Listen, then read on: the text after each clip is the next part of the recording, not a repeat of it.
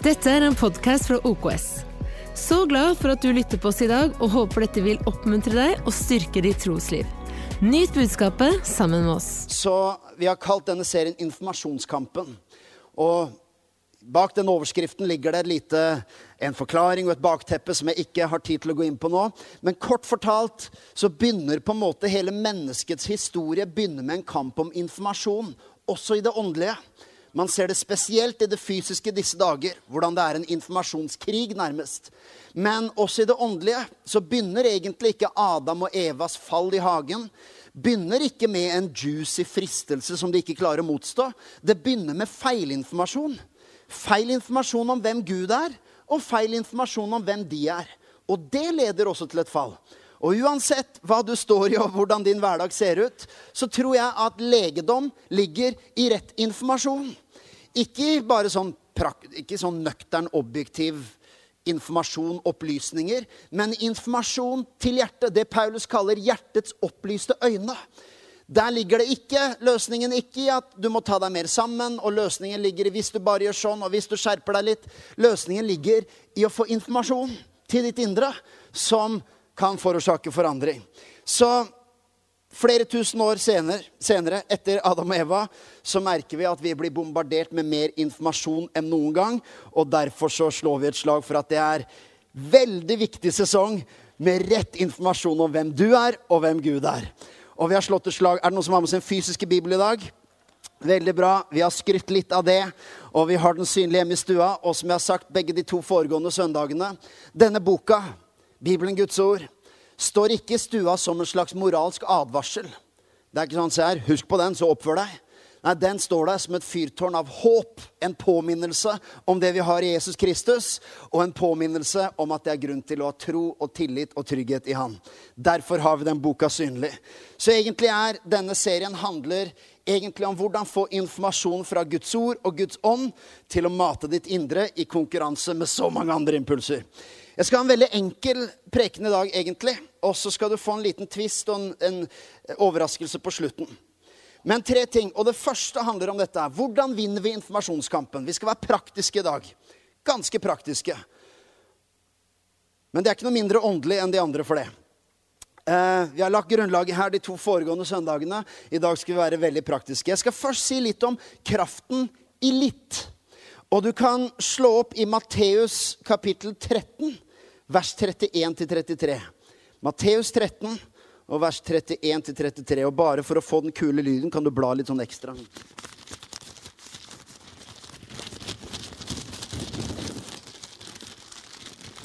Hvor lenge kan den holde på? Lenger enn du tror. Matteus 13 og vers 31. En lignelse til la han fram. Jesus driver og forteller lignelser til disiplene. Himmelriket er likt et sennepsfrø som en mann tok og sådde i åkeren sin. Det er mindre enn noe annet frø, men når det har vokst opp, er det større enn andre hagevekster. Ibsens ripsbusker og andre buskvekster. Så det, det på, på, gresk står det faktisk det. Sennepskorn er lite, men når det blir større, så blir det større enn både Ibsens ripsbusker og andre buskvekster. Men de har oversatt det til hagevekster for å gjøre det litt enkelt. Um, da er det større Nå kom jeg ut av det. Så prøv å ikke distrahere meg. Eh, når det har vokst opp, er det større enn andre hagevekster, så det blir et tre, og himmelens fugler kommer og bygger rede i greinene på det. Altså, det blir stort nok til å bo i. Enda en lignelse fortalte han dem. Himmelriket er likt en surdeig som en kvinne tok og la inn i tre mål mel. Det er 36 liter. Så det hele til slutt var gjennomsyret. Hva i all verden handler dette om? Jesus sier Guds rike er som en kvinne som tar litt surdeig, en liten porsjon surdeig, inn i 36 liter. Og til slutt så er hele deigen er gjennomsyra. Du skjønner, et av problemene Bare vær med meg nå. Du, du, skal, du, sånn, du skal, få en liten sånn, hva heter det, dispensasjon, eller sånn, sånn amen-dispensasjon i fem minutter. Så skal du slippe å si amen. Slippe å gi for feedback, bare lytte. Og så skal jeg si fra når du kan begynne å gi feedback igjen. Men i fem minutter kan du bare være med på tankereisen her. Et av problemene med oss karismatiske kristne, det er at vi er ikke så glad i litt. Vi er glad i mye. Vi liker at det er mektig. Vi blir ikke så begeistra hvis noen snakker om litt Bibel, litt bønn eller litt tro. Det er ikke noe galt direkte med mye, men vi liker ikke litt. Vi liker hvis det er kraftig, hvis det er mektig. Det gjør vei i vellinga. Det er noe som virkelig rocker og rister. Litt, det blir for puslete. Men vet du hva? At veien til fullt potensial, og dette er gjennomtenkt, og det er bibelsk Veien til et fullt potensial av noe, det ligger i litt. Og den lignelsen Jesus forteller, handler om akkurat det. At litt kan utgjøre en enorm forskjell. Faktisk, og bare, jeg sa bare vær med på tankerekken her Det som er nesten eh, Nesten så jeg ikke tør å, å si det akkurat sånn som det står i notatene her. Men det er interessant at ofte når det kommer til åndelighet, og til og med bønn, så er Jesus faktisk den som prøver å dempe litt. Flere ganger. Hvordan da? Jo, for det, det, er klart vi, spesielt oss gladkristne, holdt jeg på å si, karismatiske kristne, vi vil jo alltid liksom oppmuntre til å lese mer og bruke tid i bønn og liksom gasse på. Men vet du hva ganske ofte vet du hva Jesus sier? Du trenger ikke bruke himla mange ord, sier Jesus. Han sier, 'Ikke vær som fariseerne, som tror de må bruke masse ord for å bli bønnhørt.' Vet du hva Jesus sier? Det holder med litt. Og til og med når det gjelder tro, så er egentlig er denne lignelsen Hvis du leser konteksten hvis Du uh, trenger ikke slå opp der nå, men du kan jo liksom til selvstudium senere uh, bare notere deg f.eks. vers 13 til 16. Vi har ikke det på skjermen, og skal heller ikke lese det nå. Men Jesus han hinter litt til disse herre som Altså til, til fariseerne. Skal jeg bare si Se at jeg sa riktig. Eller var det 23 jeg mente? Uh, beklager. Ja Jo, egentlig så er lignelsen er litt kritikk til fariseerne. fordi hvordan var fariseerne når det kom til bønn, når det kom til åndelighet? Jo, det var mye. Det skulle være synlig. Når de fasta, så skulle det virkelig stadfestes. Det var liksom, ok, De hadde ikke Instagram og Facebook, men hadde de hatt det, så vet vi hva det hadde vært på kontoen deres. Jeg faster. Og Jesus sier, 'Dere må roe dere'. Jesus sier, Vi skal ikke lese de tekstene nå, men det er Jesus som sier, 'Når du gjør det, det trenger du ikke'. Du trenger ikke gjøre så voldsomt ut av det. Gjør det for deg sjøl hjemme. Ikke rop ut på gatene din åndelighet. Bare gjør det som du gjør. Det holder med litt. Og interessant at forløperen til Fader vår er at Jesus sier i den teksten du trenger ikke bruke masse ord. Nå vet vi, bare så du forstår her, det finnes mange former for bønn. Og som Arild Sæther underviste om så bra for noen uker tilbake, det finnes mange retninger å gå i bønn, og det finnes også tider og anledninger der Jesus har god tid med far. Han går ut i ødemarkene for å være alene. Så dette er ikke for å på en måte ta fra deg det livet der du liksom har satt av en hel dag og bruker kanskje timevis sammen med Gud. Det er, ikke, det er, ikke, det jeg prøver å snakke imot. Men vi i dag peker på det Jesus faktisk sier, at det holder med litt. Og du skjønner, Ofte så er det sånn at vi mennesker, når det kommer til åndelighet, vi leter jo gjerne etter en grunn til å si at noe ikke er nok. Gjør vi ikke det? Vi er litt sånn, Hvis vi kan finne en måte å diskvalifisere, så er vi litt fornøyd. liksom at, Jo, det er bra, men det er ikke nok. Det der er ikke sånn det burde være. Det er litt utilstrekkelig. Én ting som er fantastisk med Jesus, det er å legge merke til hvor offensiv han er etter å finne en grunn til å inkludere. Der hvor vi mennesker sånn kjødelig sett, kjenner litt sånn tilfredshet når vi fant en grunn å ekskludere. Og si at nei, men, ja, fint, check, check, check, men der det der var ikke bra. Mens Jesus, han leiter etter en Kan han finne så mye tro et sted? Det kan jo kanskje være liksom konservativ kristendom. Så vil man si at jo, det er fint at du liksom har en viss tro. At du har en viss tro, at du har liksom et åpent hjerte osv.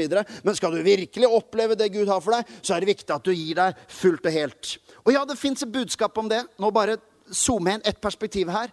Det er interessant at Jesus trenger så lite når han henger på korset, så, så er det da den ene eh, kriminelle som henger ved siden av han, som egentlig ikke ber noen sånn inderlig syndebønn, som er sånn derre liksom, Jeg faller på kne og gir mitt liv til deg. Han sier, 'Jesus, tenk på meg når du kommer i paradis.'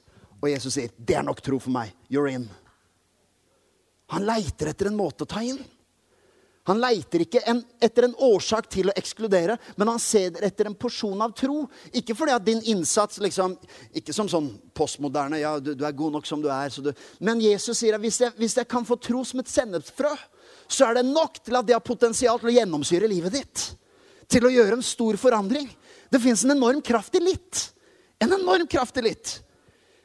Og så kan man si at jo, men Thomas, problemet i dag er jo ikke at folk gjør for mye åndelighet. Man leser for mye Bibelen eller ber for mye. Problemet er jo heller det motsatte. Så kanskje du sier Thomas, jeg skjønner hva du mener, men nordmenn i dag er ikke som fariseerne som skulle proklamere sin åndelighet. Kanskje ligner vi mer enn vi Det er bare litt andre uttrykk for det. Men kanskje kan det også være sånn her. Dette er bare min refleksjon at hvis man sier at jo, men Thomas, i dag er problemet at folk er for lunkne, folk er for slappe Kanskje en av grunnene til at det blir sånn, er fordi man tegner opp et ideal som blir så høyt. At hvis du virkelig skal ha et liv med Gud og et liv med Bibelen, ja, da har du satt av liksom et par timer hver dag. Og der er du inne og grunner på Hans ord dag og natt. Og du eh, la gå at du skal på dugnader, og du har treninger, og du har jobb, og du har eh, foreldremøter og forskjellig. Du må ha tid til Guds ord. Så tegner man opp et ideal som nesten gjør sånn at ok, det der henger ikke jeg med på helt der jeg er i dag uansett. Og så skaper det både en følelse av utilstrekkelighet, og så skaper det en tanke om at hvis jeg bare hadde, om jeg kunne bare hadde, hvis jeg bare hadde vært som den, så hører man en annen historie om noen som Det er ikke måte på liksom hvor dype de er i Gud. Og så kjenner man på ok, jeg er ikke en del av den eliten. Jeg er her med min, min liksom enkle åndelige refleksjon. Og så skaper jo det nesten en ufrivillig lunkenhet med at jeg, jeg er ikke der uansett. Da har jeg gode nyheter. Og jeg har lyst til å fortelle deg i dag og gjøre skikkelig reklame for litt tro. Litt Guds ord og litt bønn i ditt liv kommer til å gjennomsyre hele deigen. Og du vil forstå over tid, så er det nettopp litt. For det jeg sier nå, er egentlig ikke noe sånn budskap mot at noe er helt og mye og kraftig og sterkt. Det eneste jeg sier, er at veien dit er gjennom litt. Jesus sa den som er tro i lite, blir satt over stort. Han sier ikke engang at det er en belønning. Ja, hvis du bare er flink med litt, så skal Gud gi deg mer. Det står bare som en naturlig konsekvens. Den som er trofast i litt, han blir satt over mye. Enten du vil eller ei. Litt er veien til stort. Det er en enorm kraft i litt. Det er jo litt typisk oss mannfolk spesielt. Sikkert menneskelig, men ikke minst oss mannfolk. At når vi først skal gjøre noe, så skal vi gjøre det ordentlig. Det er litt sånn, altså.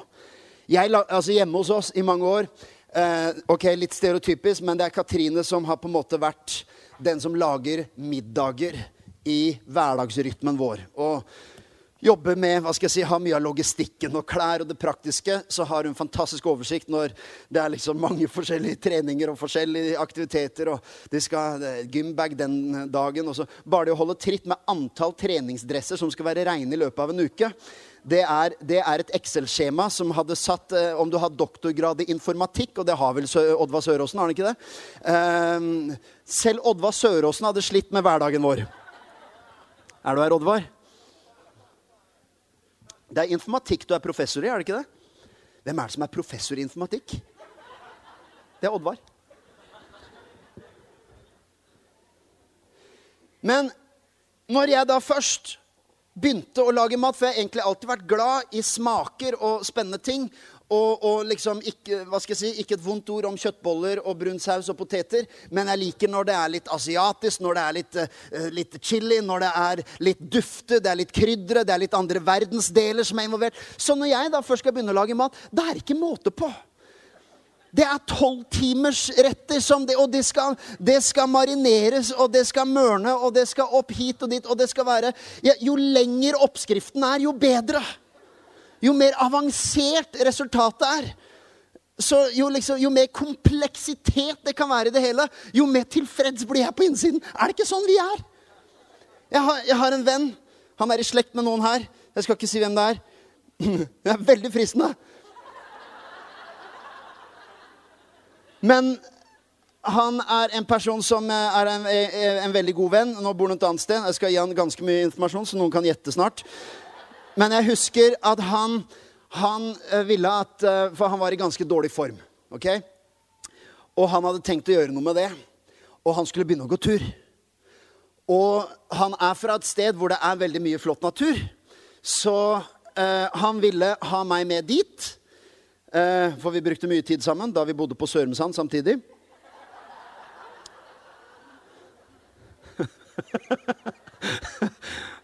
Ingen skal si vi ikke tar personvern på alvor. Nei da, denne historien er eh, sånn semi-offentlig. Uansett, han, han, skulle ha meg med på tur, for nå skulle det bli andre boller. Vet du hva? Han kjøpte turutstyr for over 20 000 kroner. Det var tipp topp utstyr. Det var ny sekk. Det var liksom full kamuflasjedress. Det var, det var primus. og det var, Nå skulle vi på tur, og vi skulle overnatte i telt.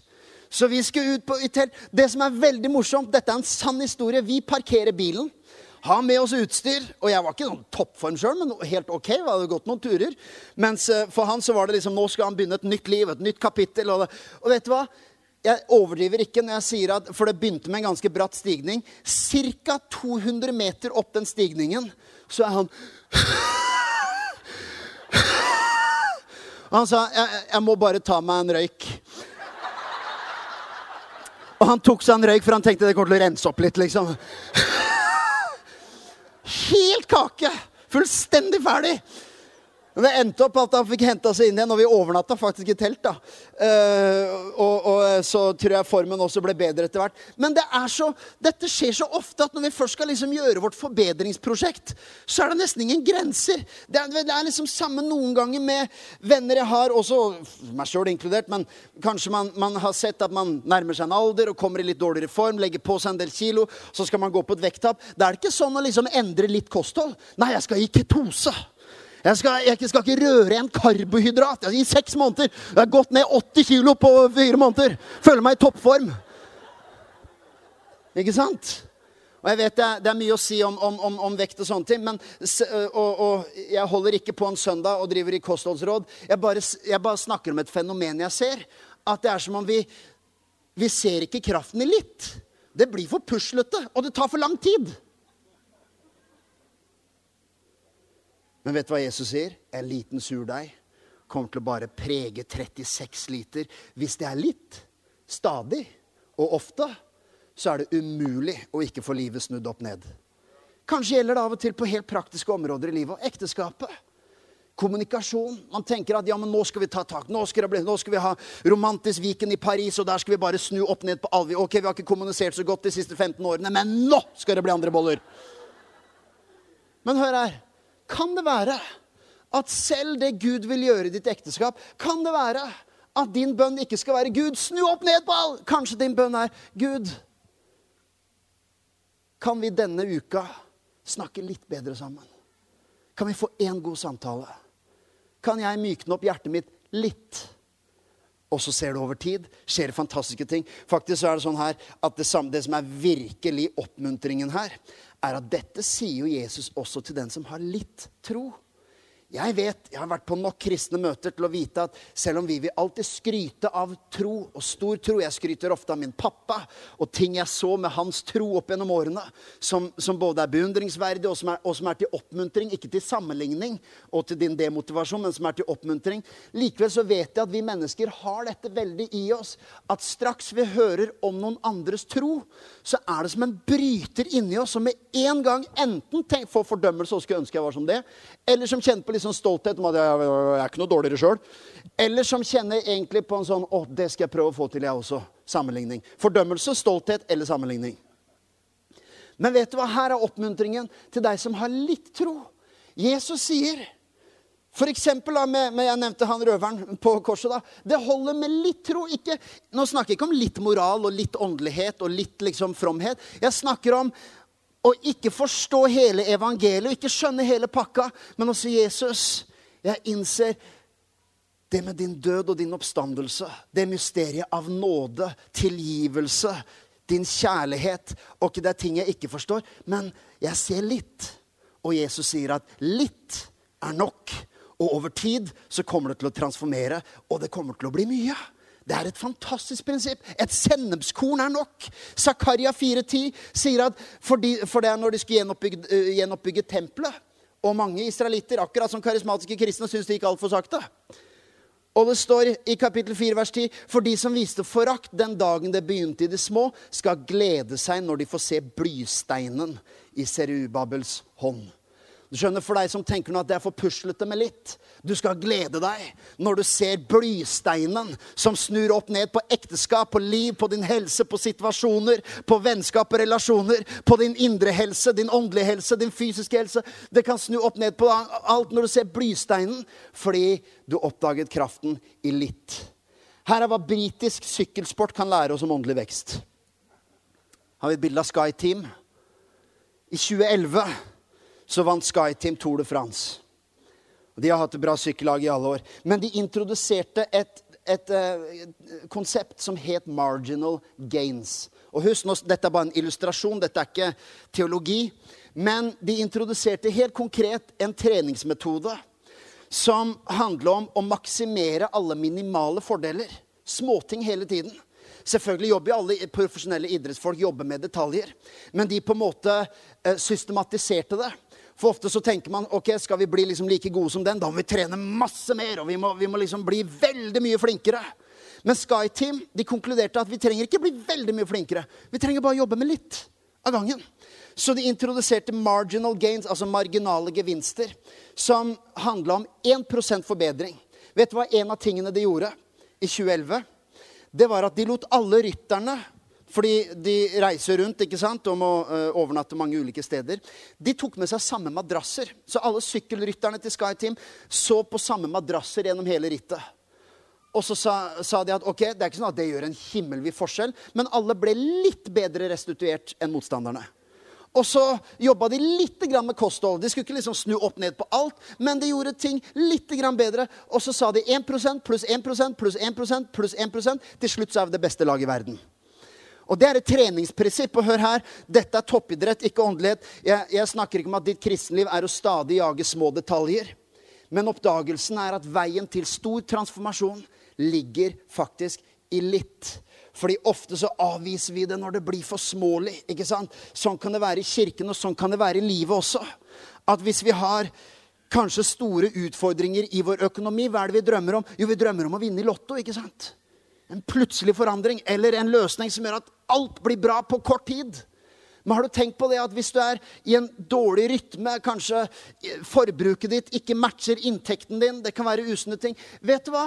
Jeg tror veien til noe langvarig forandring kan ligge i at du ber Gud om hjelp til litt.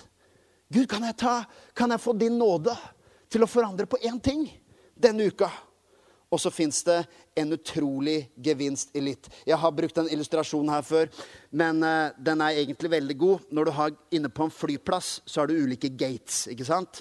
Og jeg liker spesielt de store flyplassene der du liksom Gate 19 er London, gate 21 er New York, gate 23 er Tokyo. Og så er det ikke sånn at bak den døra, der er Tokyo. Du åpner den døra. Å, se der. Fantastisk. Og så er liksom Å, New York, Manhattan. Alltid drømt om å være der. Nå er jeg der. Det, det er ikke sånn det er. At de byene ligger bak de portene. Men ved å gå inn den porten Det er bare 40 meter fra port 21 til port 23. Ser veldig likt ut. Det er bare litt forskjell. Litt til høyre eller litt til venstre. Begynner på en reise som ender opp på andre siden av kloden. Og akkurat sånn er det i ditt åndelige liv. Litt ser så lite ut i dag, og spesielt oss karismatikere. Det blir ikke nok, og det er ikke spennende nok, det er ikke juicy nok, det er ikke kraftig nok, det er ikke åndelig nok. Men vet du hva? Litt begynner på en reise som ender opp på en helt annen destinasjon. Det som er det negative med det, det gjelder motsatt vei også. At når hjertet drifter litt bort, og det skjer stadig og ofte over tid, så kan hjertet drifte veldig langt bort. Det skjer i relasjoner også. Det vi trodde skjedde plutselig, har ofte skjedd over veldig lang tid. Men jeg er så glad for at den planen Gud har for oss, er at vi skal få gå inn på en gate som ser ut som kanskje akkurat i dag, denne søndagen 20. mars, så ser det ut som litt. Men du begynner på en reise som bringer deg til en helt annen destinasjon enn dit du var på vei. Den bortkomne sønn, du har hørt meg si det før, retningen er viktigere enn tilstanden. Den bortkomne sønn han er sulten, han er ensom, han er langt borte fra fars hus. Han er dårlig kledd, han er arbeidsledig, han er venneløs, alt sammen. Men når han har fått sitt vendepunkt Han er langt unna, så det er ikke sånn at den dagen ble alt bra igjen. Men han har begynt på en reise som er på vei hjem tilbake til far. Hva med den hjemmeværende sønnen, eldstebroren? Jo, han var påkledd, velstående, rik, hadde venner, hadde alt han trengte. Men hans hjerte var på vei bort fra fars hus. Og jeg har sagt det mange ganger. Jeg vil heller være i en fillete tilstand med et hjerte på vei hjem, enn å være i en velkledd tilstand med et hjerte på vei bort. Jeg vil heller ha kristne ledere med litt feil og brister og mangler, men hvor hjertet er på vei innover. Enn ledere som er veldig dyktige og kompetente på utsiden, mens hjertet er på vei bort fra Guds sak og bort fra Guds kirke. Selvfølgelig kan vi ha ulike sesonger, vi kan ha tilbakeslag osv. Men jeg sier bare at i Guds ord så er det en vanvittig kraft i kombinasjonen som er litt og ofte. Se på denne, bildet her av hode, øre, munn. Du vet, når ting først begynner å spinne lite grann Du tenker litt på en tanke, en bekymring, en følelse, en liten følelse av avvisning, en fornærmelse, en liten irritasjon. Og så begynner du å tenke på den. Og så sier Bibelen også, den står ikke her, men det står også noe om at det hjertet er fullt av, det begynner munnen å tale. Så begynner du å si noe om det, så lekker det lite grann. Du sier ikke rett ut at den personen behandler meg dårlig, men det kommer kanskje bitte lite grann lekkasjer. Litt undertoner av fornærmelse, litt anklage. Og så begynner du dermed å høre bekreftelser på det du har begynt å tenke på. At ja, den personen har, har nok såra meg, meg, nok. ja. Og så fanger du opp et eller annet signal. at det høres ut som de også har blitt såra. Og så begynner du å tenke mer på det. Og når du begynner å tenke mer på det, så begynner også munnen å preges av det. Så begynner du å høre mer av det. For troen kommer av budskapen hører. Slik en mann tenker i sin sjel, slik blir han. Det hjertet er fullt av, det taler munnen. Og det munnen bekjenner, det preger livet og skaper enten frelse eller fortapelse. Og så blir det en spinner som går.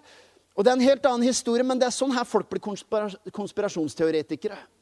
Sitt 72 timer på YouTube med samme italienske ekspertlege fra en eller annen ukjent nettside som, som har ikke bare understrek slash sånn og sånn, men det er understrek slash alfakrøll, bindestrek slash overstrek understrek dot Russland dot Kroatia dot uh, USA punktum slash understrek uh, OK.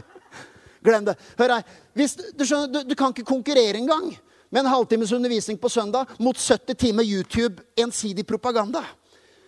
Så vet jeg det fins propaganda i vanlige medier også, men det er ikke poenget. Poenget er at det som vi fyller oss med, det blir en spinner, og til slutt så er det nesten en umulig sirkel å komme ut av. Fordi du tenker det, du sier det, du hører det, du tenker det, du sier det, du hører det. Du tenker det, du sier det, du hører det. Og det former hele livet. Det gjennomsyrer hele deg. Og det skjer jo i alle varianter og alle former. Men her er det som er fantastisk, at vi er designet på denne måten for at vi kan mate på med litt av Guds ord. Litt håp. Litt frihet. Litt rettferdiggjørelse. Selvfølgelig er vi 100% rettferdiggjort, du forstår det. Men det holder med bare et lite sennepsfrø av refleksjon om hva Gud sier om din rettferdighet. Det holder at du tenker på det i fem minutter. Plutselig merker du at det, det kom ut. I en eller annen samtale så kom det naturlig så begynte du å høre mer om det du har reflektert fem minutter på. Og så er det sånn at Guds ord snur den sirkelen, og du begynner å høre Guds ord, du begynner å tenke Guds ord, du begynner å tale Guds ord. Jeg snakker ikke om å bli overåndelig i hverdagen, at du ikke lenger kan snakke om sport og andre ting. Jeg snakker om det at det er nok med litt av tro og et lite sennepsfrø, så kan livet snus opp ned. Jeg rekker ikke å ta resten her, men jeg skal bare si det her. Det, det, sier jeg ganske ofte. Ikke det? Jeg rekker egentlig ikke å ta for det punktet, men nå skal jeg ta det likevel. Det, det er sånt jeg kommer ut på tida. vet du. Men hør her. Jeg skal, gå, jeg skal, virkelig gå inn for landing, og så skal du få høre noe spennende her. Det fins en kraft i litt. Det fins en kraft i stadig. La Guds ord få snakke til oss. La oss bare lese det som står. Titus 3,8. Dette vil jeg at du hele tiden skal understreke når du underviser, sier Paulus til Timoteus. Han sier ikke 'sett de ordentlig på plass', gi de en fire timers batalje om liksom, omvendelse. Han sier bare gjenta det hele tiden. Apostelens gjerninger 2.42. De holdt hele tiden urokkelig fast ved apostlenes lære. Stadig. Ofte. Nå vet vi at det, det var andre samfunnsforhold som gjorde at de også var mye sammen av gangen. Men det er ikke alltid man trenger så veldig mye hvis det er noe som er stadig. 2. Peters brev 1, 8-15, noen utvalgte vers. Hør på dette her. For om alt dette er rikelig hos dere og stadig flyter over, da skal dere verken være uvirksomme eller ufruktbare i erkjennelsen av vår Herre Jesus Kristus. Av denne grunn vil jeg ikke holde opp med å minne dere om alt dette, selv om dere kjenner til det og er grunnfestet i sannheten som er hos dere. Ja, jeg mener det er rett så lenge jeg er i dette teltet, da snakker han om den fysiske kroppen, å vekke dere opp ved påminnelse. Det noen som sa verken troende eller andre trenger egentlig så veldig mye instruksjoner hele tiden, men vi trenger stadig påminnelse om det vi har i Gud. Vi trenger påminnelse i informasjonskampen. Og så står det videre Men jeg vil gjøre mitt ytterste for å se til at dere også etter min bortgang stadig har en påmin påminnelse om alt dette. Var det siste, eller var det mer? Det var siste. Det er en kraftig litt. Det er en kraftig stadig. Og det er derfor Paulus også sier, la oss ikke bli trette, Galaterbrevet 6,9, av å gjøre det gode, for i rette tid skal vi høste hvis vi bare ikke mister motet. Vet du hva som skjer når det er litt? Det er at vi blir skuffa over resultatet. Det skjedde ikke noe. Men jeg hørte en illustrasjon som er veldig god. Når du setter på en kjele med vann på komfyren, så setter du den på full. Og så går du og sjekker vannet etter ett minutt. Hva har skjedd med det vannet? Ingenting. Og det kan se ut som det er ingen progress, det er ingen fremgang, det er ingen forandring. Men vet du at noe har begynt? Den temperaturen som er begynt å lagre opp, den forsvinner ikke igjen. Den er der. Den er lagra i vannet. Det er ikke noe koking, ikke noe bobling. Ser ingen forskjell. Men vannet har begynt å lagre varme. Og så venter du enda litt til, og så skjer det ingenting. Og så venter du enda litt til, så begynner det å bruse litt. Og plutselig, på et viss temperatur, så bobler det og koker det. Av og til når mennesker får gjennombrudd i livet, også i sportens verden, så snur folk seg og sier 'Å ja, det var virkelig Det kom plutselig'. Nei. Det har vært noen idrettsfolk den helga her som kom, var en skihopper, en skiflyver, 17 år gammel skiflyver, som plutselig kom på syvendeplass og hoppa 230 meter.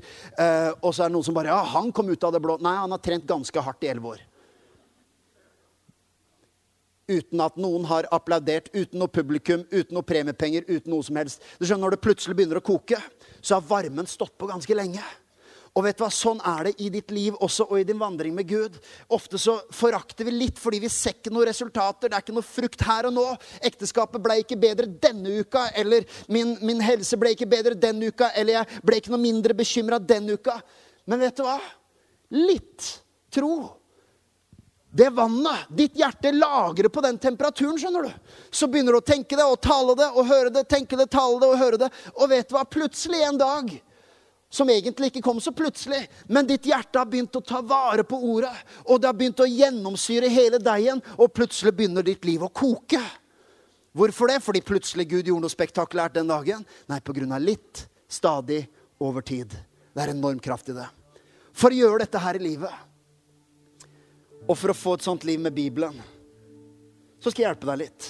Det fins et verktøy som eh, jeg vet ikke om jeg har bilde av den også på skjermen. En bibellogg. For jeg har sagt hver av disse tre søndagene skulle du få en gave. Og i dag skal du få denne her sånn.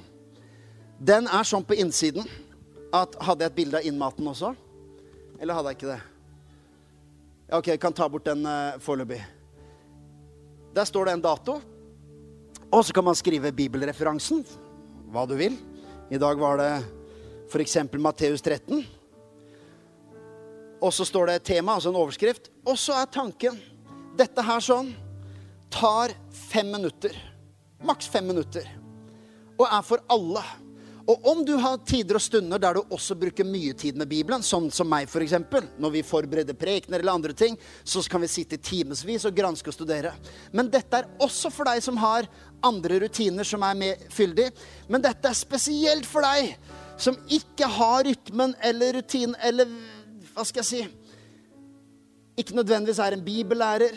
Dette er en hjelp som er en konkret hjelp til deg for at det skal komme inn litt av Guds ord, litt informasjon fra himmelen hver dag. Og det er tanken at vi leser en tekst, og så spør vi Den hellige ånd. Gud, gi meg hjelp til å forstå noe i det, denne teksten. Vis hva dette betyr for meg. Og så kan du høre fra Gud du kan høre fra teksten. Så skriver du ned en enkel refleksjon, to-tre setninger, og til slutt kanskje en setning, en bønn, som handler om hva du trenger hjelp med. Fem minutter tar det å gjøre dette her sånn.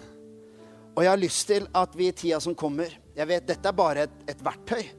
Um, men jeg har lyst til at du skal bruke det verktøyet med tanke på kraften i litt.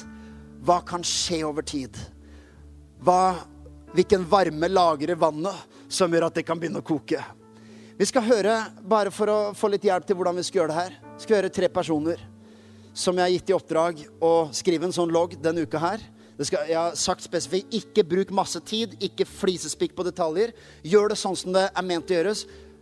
Tekst, refleksjon, be Gud om innsikt og om bønn. Kanskje du vil begynne, Evy? Eller er det ok? Evy Wilter, kom og vis oss.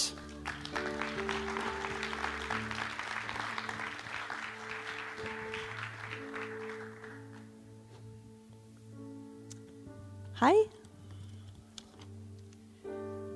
Har jeg prøvd meg i dag, da.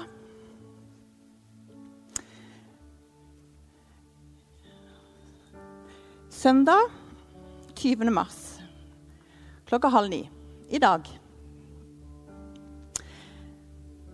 Jeg hadde et bibelvers som går i Galaterne, kapittel 2 og vers 20. Og der står det Jeg er blitt korsfestet med Kristus. Jeg er ikke lenger det er, det er ikke lenger jeg som lever, men Kristus lever i meg. Og det livet som jeg nå lever i kjødet, lever jeg i tro på Guds sønn. Han som elsket meg og gav seg selv for meg. Dette temaet eh, kan sikkert Jeg tror ikke det er noe rett og galt. For meg så var det korsfestet med Kristus. For meg så ble det det det ble i dag. Og så vil jeg skrive ned noen tanker. Og da sa jeg til Jesus Det var Jesus som tok alt, og han spigra det fast på korset. Og jeg er fri, og prisen er betalt. Og det står ikke noe restbeløp igjen. Lever, Jesus lever inni meg ved at jeg tror på Han. Og bønnen min gikk sånn. Takk, Gud, for alt dette. Takk, Jesus, at du, at du elsker meg så høyt. Og jeg ber, Herre, om at du enda mer i min hverdag levendegjør ordet for meg. Og det klarte du i dag. Hm. Tusen hjertelig takk. Ja. ja, så nydelig. Herlig. Margrethe? Ja, ja, vi er litt kjørt litt på vei opp.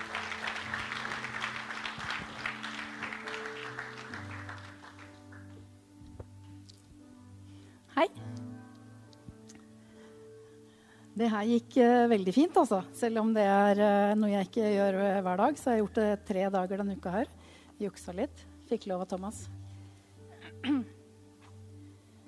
um, Jesaja 55, 8-9.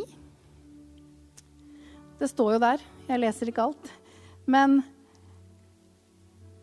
å lese det, og så måtte skrive det ned Så får du lest det og hørt det en gang til. Det syns jeg var en veldig fin ting. Du hjelper deg sjøl med å huske det enda bedre. Så det jeg tenkte etter hvert, var Når jeg gjør ting eh, Får de det resultatet som jeg tenker? Det står i verset at eh, Gud har større tanker og større veier enn det vi har. Eh, når jeg tenker at hvordan skal Gud bruke meg, så, så, så, blir det sånn som jeg har tenkt. Og så har Gud tenkt noe helt annet. Så når jeg gjør ting, får de de resultatene jeg tenker. Når Gud gjør ting i meg og gjennom meg, så får de de resultatene langt utover det jeg kunne tenke på, heldigvis. Eh, langt utover det jeg ber, og det jeg skjønner. Og så har jeg streka under i vers 9 For som. Fakta har jeg skrevet. Og det står For som himmelen er høyere enn jorden, er mine veier høyere. Og bare å minne seg sjøl på at det er sånn. Det er det. Så derfor skrev jeg bare sånn. For som. For meg er det fakta. Husk det neste gang du leser. Bønnen min blei Gud, hjelp meg å høre det du sier, og gjøre det. Sånn at resultatet blir det du tenkte, ikke det jeg forsto.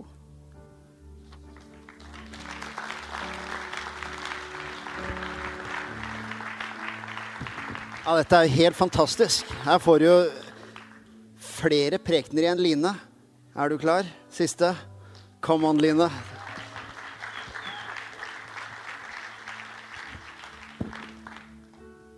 Dette er ikke noe jeg heller gjør eh, hver dag. Eh, jeg hadde en tekst Skal bare finne den her. Lukas, evangelium, kapittel 9 og vers 51 til 56 hadde jeg. Eh, skal jeg lese den, eller er det distanse? Holdt jeg. Eh, da tiden for, han, for at han skulle bli tatt opp, nærmet seg, vendte han ansiktet mot Jerusalem for å gå opp dit. Og han sendte budbærere foran sitt åsyn, og de gikk inn og de gikk og kom inn i en samarisk landsby for å gjøre i stand husrom for han. Men de tok ikke imot han, for, hans, eh, for ansiktet hans var vendt mot målet for reisen Jerusalem. Og da hans disipler Jakob og Johannes så det, sa de, Herre, vi vil, du, nei, vil du at vi skal befale ild og komme ned fra himmelen og fortære dem, slik som Elia gjorde? Men han snudde seg og refset dem og sa, Dere vet ikke hva slags ånd dere er av. For menneskesønnen er ikke kommet for å ødelegge menneskeliv, men for å frelse. Og de gikk til en annen landsby. Og mine umiddelbare tanker her, det var rett og slett at Jesus viser eh, Jakob og Johannes betydningen av nestekjærlighet og overbærenhet. Han kunne liksom valgt å bare er det ikke dri, Hvorfor gjør det ikke sånn? Han kunne valgt å si ja, bare gjør det. Men han gjorde ikke det. Han holdt liksom hele tida fram det at ja, men de vil ikke det. Da lar vi de være i fred. Og han elsker de. Og han sier at uh, menneskesønnen er jo kommet for å frelse alle folk. Og derfor så, lot han, så gikk han vekk fra ugjestfrihet og alt sånt som kunne plage han. Og da skrev jeg her i, paran, i margen der at uh, naturlig nok så flyr tankene til det som skjer i verden i dag. Men tenk så heldig vi er som er her og kan bare liksom Menneskesønnen er her for å frelse. Det var liksom mine, den tanken jeg satt igjen med etter det verset. da. Og han vil alle godt. Eh, og da ble bønnen min eh, sånn her. Hjelp, kjære far, hjelp meg til å vise omsorg og overbærenhet, sånn som Jesus gjorde, overfor alle mennesker, uansett situasjoner. La meg være en som viser kjærlighet til menneskene jeg treffer. Amen.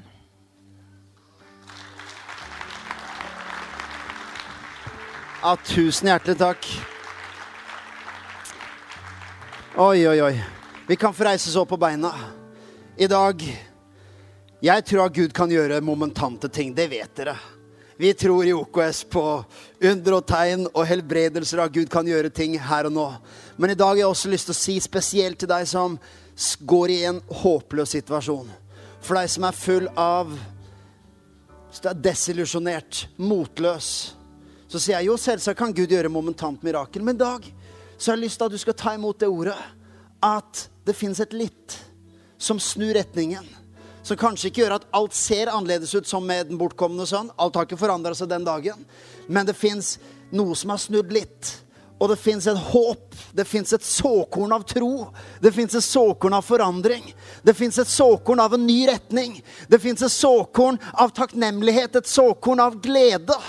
Hvis man har vært motløs i lang tid, så fantes det et lite sennepskorn av glede. Og så ser du at vet du hva? det der lille der har kraft til å gjennomsyre hele deigen. Det er kraft i Guds ord. Egentlig sier Jesus evangeliet er så kraftig. Det holder med et sennepskorn, så er det nok til å vende om på et menneskes liv.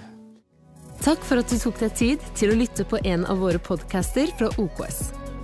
Vår visjon er å bringe Jesus til mennesker i vår verden, og mennesker i vår verden til Jesus. Følg oss ellers på vår YouTube-kanal og sosiale medier. Du er velkommen til å besøke en av våre kirker. For mer informasjon, sjekk ut oks.no.